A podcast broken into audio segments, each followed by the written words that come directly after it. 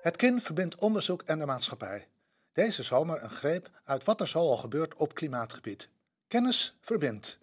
Vandaag in editie 11 van de KINcast de kwetsbaarheid van onze Caribische provincies. In Nederland is veel kennis over onze uitstoot en wat er nodig is om droogte of verzilting tegen te gaan. Informatie die ontbreekt over onze provincies in het Caribisch gebied. Met name Bonaire is kwetsbaar voor klimaatverandering. Het is een laaggelegen eiland dat gebouwd is op koraalrif. Verdwijnt dat koraalrif, dan verdwijnen mogelijk ook de toeristen.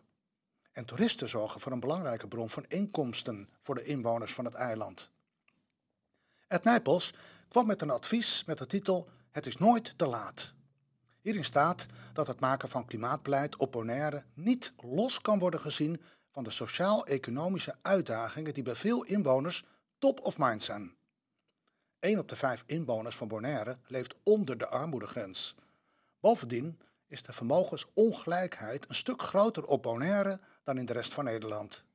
Daar waar armoede op één staat, is klimaatbeleid secundair, schetst Nijpels.